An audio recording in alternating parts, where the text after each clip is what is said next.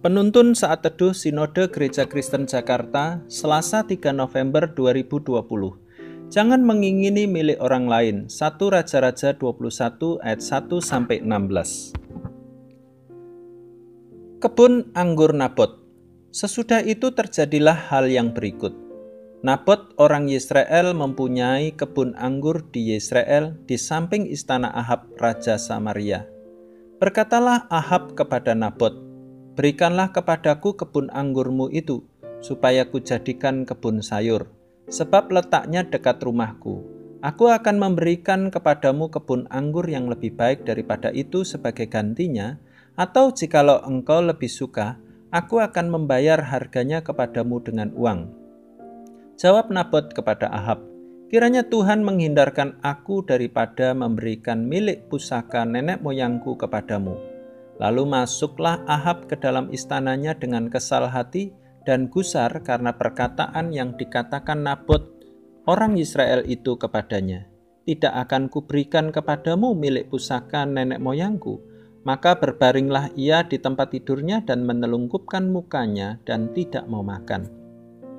Lalu datanglah Isabel istrinya dan berkata kepadanya, Apa sebabnya hatimu kesal sehingga engkau tidak makan?' Lalu jawabnya kepadanya, Sebab aku telah berkata kepada Nabot orang Israel itu, Berikanlah kepadaku kebun anggurmu dengan bayaran uang atau jika engkau lebih suka, aku akan memberikan kebun anggur kepadamu sebagai gantinya. Tetapi sautnya tidak akan kuberikan kepadamu kebun anggurku itu. Kata Isabel istrinya kepadanya, Bukankah engkau sekarang yang memegang kuasa raja atas Israel? Bangunlah, makanlah dan biarlah hatimu gembira. Aku akan memberikan kepadamu kebun anggur Nabot orang Israel itu. Kemudian ia menulis surat atas nama Ahab, memeteraikannya dengan meterai raja, lalu mengirim surat itu kepada tua-tua dan pemuka-pemuka yang diam sekota dengan Nabot. Dalam surat itu ditulisnya demikian, Maklumkanlah puasa dan suruhlah Nabot duduk paling depan di antara rakyat, Suruh jugalah dua orang Dursila duduk menghadapinya, dan mereka harus naik saksi terhadap dia dengan mengatakan, Engkau telah mengutuk Allah dan Raja. Sesudah itu bawalah dia keluar dan lemparilah dia dengan batu sampai mati. Orang-orang sekotanya, yakni tua-tua dan pemuka-pemuka yang diam di kotanya itu melakukan seperti yang diperintahkan Isabel kepada mereka, seperti yang tertulis dalam surat yang dikirimkannya kepada mereka. Mereka memaklumkan puasa dan menyuruh Nabot duduk paling depan di antara rakyat. Kemudian datanglah dua orang, yakni orang-orang Dursila itu, lalu duduk menghadapi Nabot.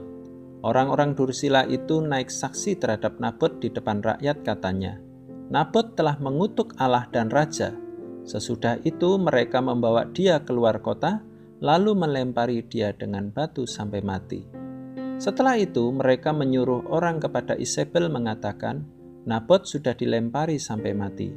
Segera sesudah Isabel mendengar bahwa Nabot sudah dilempari sampai mati, berkatalah Isabel kepada Ahab, Bangunlah, ambillah kebun anggur Nabot orang Israel itu menjadi milikmu, karena Nabot yang menolak memberikannya kepadamu dengan bayaran uang sudah tidak hidup lagi, ia sudah mati Segera sesudah Ahab mendengar bahwa Nabot sudah mati, ia bangun dan pergi ke kebun anggur Nabot, orang Israel itu, untuk mengambil kebun itu menjadi miliknya.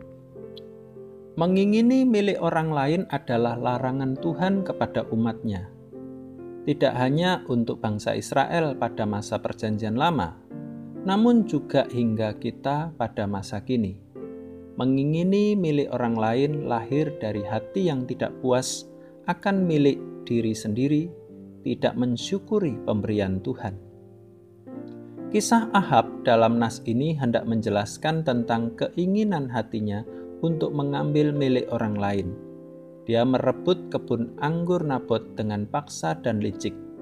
Hal ini dilakukan karena hatinya yang tidak puas akan apa yang telah dimilikinya serta tidak ada rasa syukur kepada Tuhan. Ahab marah kepada Nabot karena negosiasinya ditolak. Seharusnya Ahab bisa menerima sikap penolakan Nabot tersebut. karena kebun anggur yang dimilikinya adalah satu-satunya warisan keluarganya. Namun, Ahab menjadi begitu murung, mengurung diri, dan tidak mau makan. Karakter Ahab adalah seorang yang ingin mil memiliki milik orang lain, tidak dewasa, mudah marah, manja, Hal ini terbukti dari tindakannya yang meminta dukungan kepada istrinya, Isabel. Karakter Isabel sendiri adalah jahat, sombong, membenarkan yang salah, dalam hal ini suaminya, menyakiti, bahkan membunuh yang benar. Ahab dan Isabel sama-sama tidak peduli dengan kejahatan hati mereka.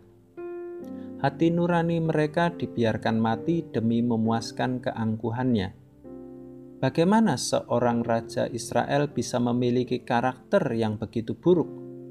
Karena tidak pernah membereskan paket racun yang menggerogoti hatinya. Bagaimana dengan hidup kita selama ini? Adakah kita juga belum dewasa?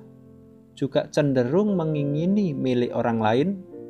Paket racun yang menggerogoti hati kita akan membuat kita angkuh, bahkan menghalalkan segala cara demi mendapatkan milik orang lain. Milik orang lain itu bisa saja jabatan, tanggung jawab, harta, karya, keluarga, dan sebagainya yang sangat ingin kita miliki. Tentu, sikap dan tindakan ini tidak sesuai dengan hati Kristus. Roh Kudus yang memenuhi kita akan senantiasa menolong dari dalam hati kita untuk memiliki hati Kristus yang penuh kasih, rasa syukur, rasa cukup. Hati seperti Kristus yang dialirkan oleh Roh Kudus ke dalam hidup kita, sehingga semakin hari yang kita miliki adalah hati yang penuh kasih, penuh rasa syukur, penuh rasa cukup. Hati kita tidak lagi ingin mengingini milik orang lain, melainkan ingin memberikan apa yang ada pada kita kepada orang lain. Kunci untuk tidak lagi mengingini milik orang lain adalah hati Kristus yang adalah ada pada kita.